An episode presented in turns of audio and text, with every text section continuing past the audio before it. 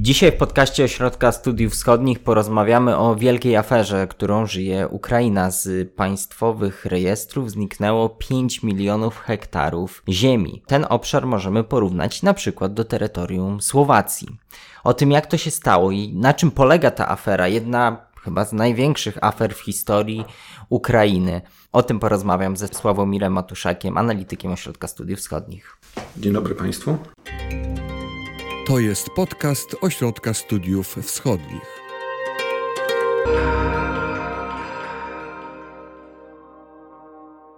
Zacznijmy od podstawowego pytania. Nasi słuchacze mogli nie słyszeć o tej aferze, a jest to naprawdę bardzo duże wydarzenie na Ukrainie. Na czym ono, ta afera polegała? Jak mogło zniknąć 5 milionów hektarów? Znaczy, zacznijmy może od tego. E, afera wybuchła po wywiadzie, a właściwie serii wywiadów udzielonych przez e, Romana Leszczenkę, który jest szefem Państwowej Służby do Spraw Geodezji, Kartografii i Kadastru. Jest to instytucja państwowa podlegająca pod Radę Ministrów, która poza właśnie działaniami związanymi z kartografią, badaniami geodezyjnymi prowadzi rejestr gruntów rolnych. Jest to instytucja duża, zatrudniająca około 10 tysięcy osób, mająca swoje oddziały regionalne praktycznie na całej, we wszystkich regionach Ukrainy. Do tej pory cieszyła się zawsze sławą niezwykle skorumpowanej, natomiast ona była całkowicie nie, nietransparentna. Czyli z jednej strony wszyscy wiedzieli, że tam jest dużo nieprawidłowości, e, że żeby wysoki poziom korupcji, żeby uzyskać jakieś zaświadczenie i tak dalej. Natomiast z racji tej nietransparentności nikt nie zdawał sobie e, ze skali naruszeń, które tam miały miejsce.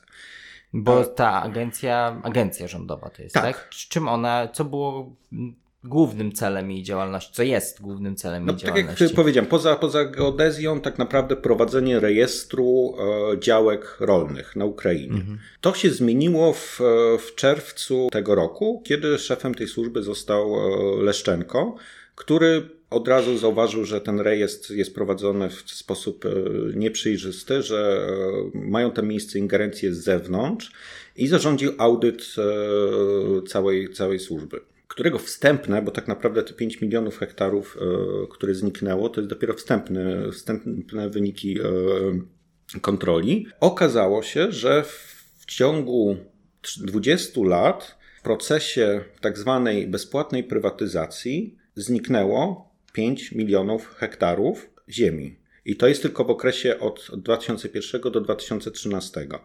Potem w, w okresie 2013-2020 w tym procesie e, rozdano ponad 700 tysięcy hektarów. Problem polega na tym, że zgodnie z ukraińskim, zgodnie z ukraińskim prawem, z, z ustawą o tak zwanym kodeksem ziemskim e, z 2001, każdy obywatel Ukrainy ma prawo do bezpłatnego otrzymania dwóch hektarów e, ziemi. Mhm. Jednorazowo na prowadzenie gospodarstwa rolnego. De facto, z powodu tego, że ta służba była i skorumpowana, i nietransparentna, taki przeciętny obywatel nie miał szans na otrzymanie tej ziemi. Mhm. Natomiast kwit proceder otrzymywania tej ziemi na podstawione osoby. I ktoś sobie tak skupował, może tak, skupował na... oczywiście, tam nie było kupna. W tam nie było kupna i to, co jest jeszcze ważne, e, o ile na Ukrainie od 2001, tak naprawdę do tej pory, mimo przyjętej ustawy o, o reformie rynku e, gruntów rolnych, nie e, jest moratorium na handel ziemią, ale mhm. ten moratorium nie było, nie obejmowały te ziemie, które można było w, w ramach tej bezpłatnej prywatyzacji. Czyli ktoś sobie skupował. Przez podstawione osoby, często to jest jakby oczywiście złamanie prawa, e, ale nie było tam żadnego, żadnego mechanizmu kontroli, czy dana osoba już wcześniej nie, nie otrzymała tych e, dwóch hektarów, tak więc często nawet ta jedna i ta sama osoba brała kilkanaście, kilkanaście działek. Potem one były sprzedawane wielokrotnie, także w ogóle jakby trudno prześledzić to, ten proces. I znowuż, my nie mamy, być możemy tylko opierać na, na słowach Leszczęki, ale z tego, co można zrozumieć, proceder kwit w całym kraju lokalne klany w powiązaniu z lokalnymi urzędnikami tej służby, przy tak naprawdę trudno wierzyć w to, że, że e, najwyższe władze Ukrainy były tego nieświadome, czyli tak można powiedzieć, że przy, przy, przy co najmniej wsparciu czy, czy sprzyjaniu ze strony e, Kijowa, doprowadziły do rozdania znacznej części ziemi państwowej. Jeszcze pół roku temu we wszystkich oświadczeniach prezydent czy, czy, czy, czy premier twierdził, że w rękach państwa jest 10,4 miliona hektarów ziemi. W tej chwili tak naprawdę w rękach państwa zostało 750 tysięcy. Tak jak powiedziałeś, trudno uwierzyć, że przez tyle lat to działo się bez wiedzy Kijowa, ale też żadne symptomy, żadne sygnały nie docierały do opinii publicznej, bo skala tej afery jest nieprawdopodobna. To jest, zdaje się, 18% terytorium Ukrainy? Nie, 8%. O, no, tym, 8%. No, tym niemniej tak to jest bardzo dużo. Tu jest taki problem, bo e, tak naprawdę z jednej strony to jest ogromna afera i, i rzeczywiście można powiedzieć, że to jeśli nie największa, to jedna z największych w historii niepodległej Ukrainy. Natomiast e, rezonans polityczny jest delikatnie mówiąc nikły. Bo nikogo nie złapano za rękę, dokładnie jednej osoby. Tylko ja myślę po pierwsze, że tutaj nie ma. E, ten proceder trwał 20 lat. Zamieszane w niego były i władze lokalne, i władze centralne, różnych ekip, bo to przecież to się zaczyna jeszcze to z czasów prezydenta Kuczmy, było kontynuowane po pomarańczowej rewolucji, trwało po, za czasów Janukowycze i po, po rewolucji godności dalej. Tylko się zmieniały powiedzmy ekipy, które kontrolowały ten, e, tą służbę kadastru, no i jakby dzieliły ziemię między na swoją korzyść albo korzyść swoich politycznych sojuszników. I z tego bardzo nikłego, nikłej reakcji można wyciągnąć wniosek, że tak naprawdę wszyscy byli w to zamieszani. Wszyscy, cała elita polityczno-biznesowa i na szczeblu centralnym, i na szczeblu regionalnym w jakiś sposób z tego korzystała. No dopóki nie będzie otwartego. Leszczenko obiecuje, że ten rejestr w, w przyszłym roku zostanie upubliczniony, także będzie można sprawdzić, kto jest obecnie właścicielem danej ziemi. Natomiast no tak człowiek, to jest jakby ten proceder obejmował o, też prywatyzację ziem rolnych, które potem zostały przekształcowane, e, e, ich przeznaczenie to na przykład na, na budowlankę hmm. i na przykład według Leszczenki e, większość ziemi wokół Kijowa, które jakby są z oczywistych powodów bardzo łakomym kąskiem dla deweloperów, zostały w ten sposób sprywatyzowane. I potem kilkanaście razy Co? obrócone, no w tej chwili stoją tam osiedla. Więc jak... I teraz pytanie, ustalenie kto na jakim etapie czerpał z tego bezpośrednie korzyści, no to jest żmudna praca, tak jakby powtarzam, to jest jakby dotyczy setek tysięcy umów, mhm. które trwały przez 20 lat. No ale z braku jakiejkolwiek e, reakcji i oburzenia ze strony praktycznie całej polity, elity politycznej, można wnioskować, że powiedzmy nie będzie wielkiego oparcia na to, żeby tą sprawę jakoś. E, A społeczeństwo? Rezonuje ten temat? W mediach dosyć e, był moment, że, że, że rezonował, natomiast to też może być tak, ale ogólnie nie ma żadnych badań, więc jakby trudno mi jednoznacznie mhm. powiedzieć. Natomiast e, no to pewnie jest bardziej potwierdzenie takiego stereotypu, że tak jakby większość społeczeństwa twierdzi, że, że kraj został rozkradziony przez polityków i oligarchów i tu jest jakby kolejne potwierdzenie tego. Czyli jakby mhm. nie ma jakiegoś, nie było jakiejś demonstracji z tego powodu, nic podobnego. Bo nie ma jednego winnego, no ale pojawiają się też nazwiska oligarchów, którzy mogli w sposób szczególny na tym skorzystać, którzy to są. Ja bym nawet nie powiedział, że to jest aż tak powiązane z oligarchami. Leszczenko nie, nie, nie wymienia żadnych nazwisk, wspominał tylko, że służba była pod kontrolą grupy winnickiej e, do 2019 roku. Grupa winnicka, no to można rozumieć, że to byli ludzie od byłego prezydenta Poroszenki i, i premiera Chrojsmana, którzy pochodzą, albo jakby główna ich działalność e, była skupiona w winnicy, a wcześniej pod kierunkiem grupy donieckiej, czyli również to można odczytywać jako kontrolowane przez grupę partii regionów prezydenta Janukowycza, którzy byli z Doniecka. Natomiast tej chwili nie mam jednoznacznej informacji, że dany oligarcha powiedzmy skupił tyle i tyle, tyle, tyle i tyle. Leszczenko na przykład twierdzi, że większość prywatyzacji e, w obwodzie winnickim po 2013, większość ziemi trafiło do kilku rodzin na, z obwodu winnickiego, które są powiązanych ze sobą.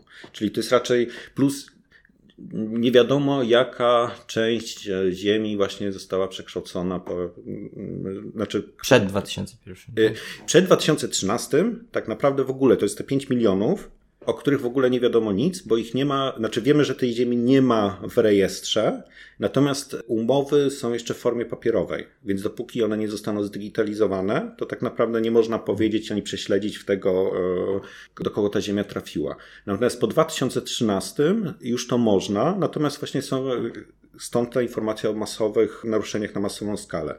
Przy czym to jeszcze też jest problem taki, że tam był proceder, często osoba mogła być nawet nieświadoma, że otrzymuje ziemię po prostu przez... Była podstawiona po prostu. Nawet nie podstawiona, w sensie, że y, na Ukrainie kwitnie proceder handlu danymi paszportowymi. Jeżeli tam urzędnik, notariusz nie sprawdza podpisu i tak dalej, to wystarczą po prostu same dane. I były też przypadki, że weteran z Donbasu, który mają właśnie priorytet teoretycznie w otrzymywaniu tych, tych działek. W momencie, kiedy udał się, złożył wniosek, to okazało się, że na jego nazwisko już było kilka działek hmm. wziętych. Tak więc jakby to pokazuje skalę patologii, procederu, który tak naprawdę trwał od no, 20 lat. Mhm. Rozmawialiśmy o tym, kto stracił, i kontekst jest taki, że, że raczej nikt na razie bezpośrednio, ale czy prezydent Zełański i jego ekipa, która te skandale ujawnia, która ujawniła e, tę sprawę, czy Zełański zyskuje jako szeryf? Zobaczymy, jak, e, jak będzie się dalej rozwijać sprawa. Z jednej strony tak, i nawet e, ostatnie, ostatnie sondaże pokazują e, niewielki wzrost poziomu zaufania do, do, do Zeleńskiego. Natomiast jakby samo ogłoszenie, no, to jest, afery to jest jedna sprawa, natomiast e, ewentualne pociągnięcie do odpowiedzialności winnych to jest zupełnie inna kwestia.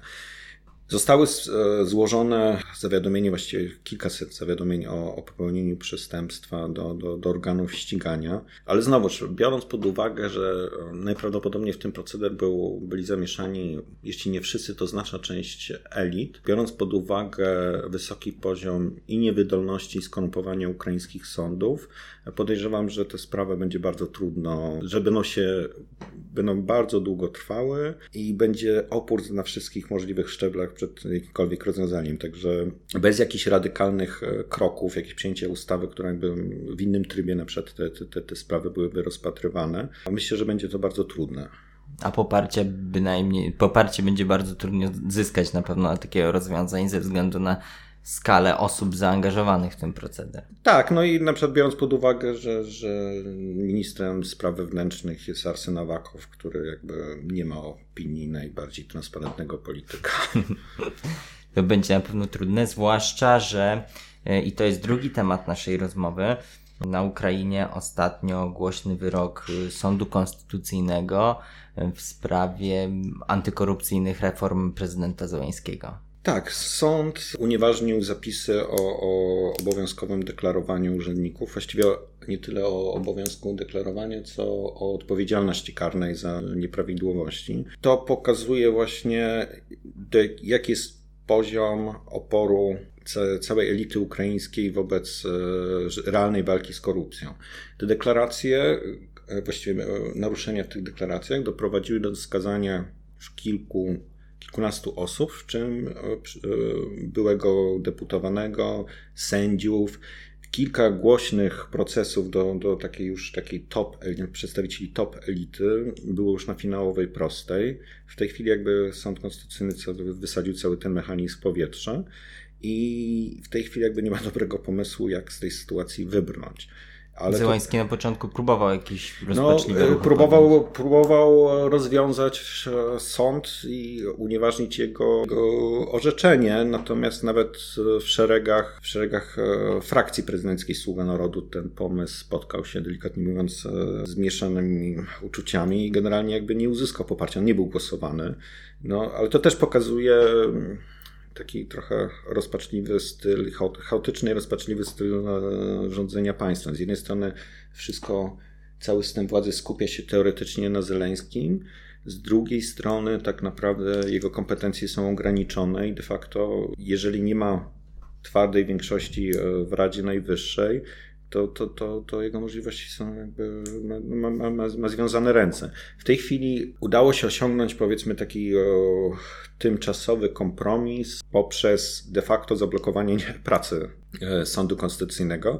Chodzi o to, że czterech sędziów, którzy, no powiedzmy, można ich uznać za lojalnych wobec prezydenta, przestało chodzić na posiedzenia, przez co brakuje jednej osoby do kworum. Bo tak naprawdę sąd rozpatruje jeszcze kilka innych e, pozów, które potencjalnie będą miały nie mniejszy rezonans niż, niż to orzeczenie, e, o którym wspominałeś. Ale sprawa tego orzeczenia jest już zamknięta? Z punktu widzenia prawa, tak. Natomiast na Ukrainie tylokrotnie widzieliśmy e, różne łamańce prawne, konstytucyjne, e, także jakby jak ostatecznie zostanie to rozwiązane, to, to, to, to nie sposób przewidzieć. Jest kilka koncepcji, natomiast no, pomysł prezydenta, czyli rozwiązanie sądu, e, sądu konstytucyjnego i, i unieważnienie jego wyroku, orzeczenia, najprawdopodobniej nie będzie głosowane, ale to też pokazuje, świadczy o pewnej słabości prezydenta, tak? Mhm. Ale zwłaszcza, że ta sprawa jest no, bardzo ważna ze względu też na międzynarodowy nacisk, aby e, aby te śledztwa korupcyjne były kontynuowane, antykorupcyjne. Oczywiście, jakby Ukraina to jest jakby jeden z kluczowych warunków kontynuacji wsparcia ze strony Międzynarodowego Funduszu Walutowego, ze strony też Unii Europejskiej, to jest pomoc makrofinansowa i tak dalej. Natomiast no tu jest jakby z jednej strony coś, co jest e, niesamowicie ważne dla, dla państwa. Z drugiej strony jest ogromny opór ze strony elit um, przeciwko wprowadzaniu takich rozwiązań. Tak naprawdę to, że te deklaracje e, zostały przegłosowane, to, że utworzono Wyższy Sąd Antykorupcyjny, to też było zawsze za każdym razem kolokwialnie kolanem przepychane.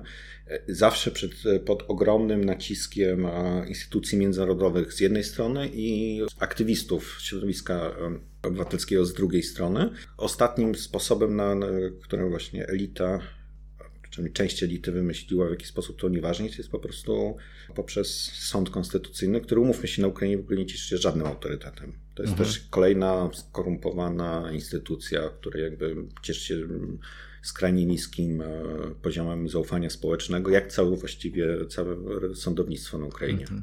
I w tym momencie są rozważane, jest rozważanych kilka, kilka opcji, ale nie wiemy dokładnie, w którym e, kierunku ta sprawa pójdzie. Jest rozważane kilka opcji, tylko że to tak, na początku, na początku dużo szamotaniny i spodziewaliśmy się, że, że głosowania w tej sprawie odbędą się mm, kilka dni po, po, po tym orzeczeniu. A potem właśnie okazało się, że, że nie ma poparcia ani do tego projektu, ani do e, drugiego.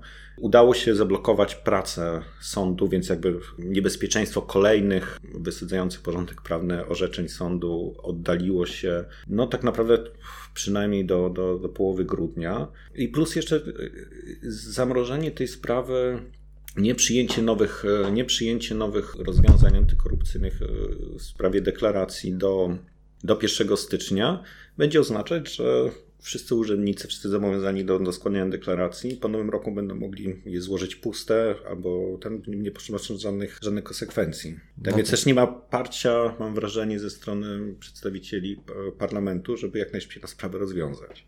W obu tych, te obie sprawy są ze sobą w tym względzie powiązane, że pokazuje to, jak o tym słucham, jak o tym opowiadasz, to tak pokazuje jak dogłębnie skorumpowane było ukraińskie państwo, w sensie jak głęboko ta korupcja na bardzo niskich szczeblach została zasiana, jak ona tam funkcjonowała. I to tak naprawdę w dużej mierze historia e, walki Zełańskiego i jego ekipy o to, aby to, to zmienić. Ale czy możemy powiedzieć, że ta walka z korupcją na Ukrainie przynosi już teraz jakieś pozytywne efekty w kontekście tej prezydentury Zełańskiego? Czy on już się może czymś konkretnym pochwalić, czy są już konkretne osiągnięcia? Było kilka wyroków e, sądu antykorupcyjnego na polityków czy urzędników takiego szczebla, których powiedzmy jeszcze przy poprzedniej ekipie jakby po wszystkich poprzednich ekipach byliby nietykalni. I to spowodowało właśnie reakcję systemu, czyli właśnie ten, te, to orzeczenie sądu, które większość tych e, wyroków albo zostało uchylone, albo spraw, które się toczyły, też również zostały umorzone. Z jednej strony Zeleński jakby wydaje się zdeterminowany, żeby z korupcją walczyć, natomiast e, i to jest jakby też w porównaniu do, do, do, do, poprzedniego prezydenta nigdy nie padały zarzuty korupcyjne wokół, czy podejrzenia, że on w jakiś sposób. Tak. Natomiast już wobec jego otoczenia Tak. Zelejski jakby niespecjalnie cokolwiek podejmował kroki w tym, w tym kierunku. Też ta większość parlamentarna, ponad 250 deputowanych e, sługi narodu, narodu no jest w dużej mierze na papierze. I to problem polegał na tym, że w trakcie doboru kandydatów przed wyborami parlamentarnymi to było po prostu też również takie trochę mm, łapanka. łapanka. No i trafili tam, powiedzmy, trafiły tam różne osoby. Nawet jeśli o, początkowo były uczciwe, to w tej chwili powiedzmy ten system ich już zaczął wciągać i, i, i z wielu jakichś tam rozmów właśnie z dziennikarzami, e, ekspertami e, w Kijowie można wyciągnąć wniosek, że ta sama osoba, która przez pierwsze miesiące po, po wyborach była reformatorem uczciwym, z ogromną chęcią wprowadzenia zmian. W tej chwili raczej rozgląda się tylko za dodatkowymi źródłami dochodu. To tak. I w tym momencie jakby z taką frakcją, z takim parlamentem, przy jakby ponad podziałami politycznymi zgodzie, że oczywiście publicznie nikt tego nie powie, że tak nadmiernie z tą korupcją nie, lepiej nie walczyć. Zeleński znowuż ma, ma związane, związane ręce. I trzeba pamiętać też, że jakby system ukraiński przy tej konstytucji yy, władza prezydenta jest stosunkowo ograniczona. Zeleński może chcieć tą konstytucję zmienić, czy to jest... No to już 300 głosów, to jest skomplikowana procedura. No to jest jakby jeden też, e, już nie, lepiej nie wchodzi w szczegóły, ale to jest jakby jeden z pomysłów, jak rozwiązać problem z sądem konstytucyjnym, zmiana konstytucji. Natomiast jakby przy tej konfiguracji w Radzie Najwyższej, po pierwsze to i tak jest proces czasochłonny, bo to trwa przynajmniej pół roku, a dwa, no właśnie, trzeba mieć tą większość 300 głosów, co, której nie ma. Której nie ma. Mhm. My w Ośrodku Studiów Wschodnich śledzimy to, co się dzieje w ukraińskim państwie na różnych poziomach. W jednym z poprzednich odcinków razem z Krzysztofem Nieczyporem rozmawialiśmy o wyborach samorządowych na Ukrainie i o bardzo dużej reformie, która miała tam miejsce właśnie w kontekście władzy lokalnej. Także zapraszam do słuchania tego podcastu, zapraszam także do czytania analiz, komentarzy autorstwa Sławomira Matuszaka. Wszystko dostępne na osw.waw.pl a my słyszymy się następnym razem. Wysłuchali Państwo podcastu Ośrodka Studiów Wschodnich. Więcej nagrań można znaleźć na stronie www.osw.waw.pl.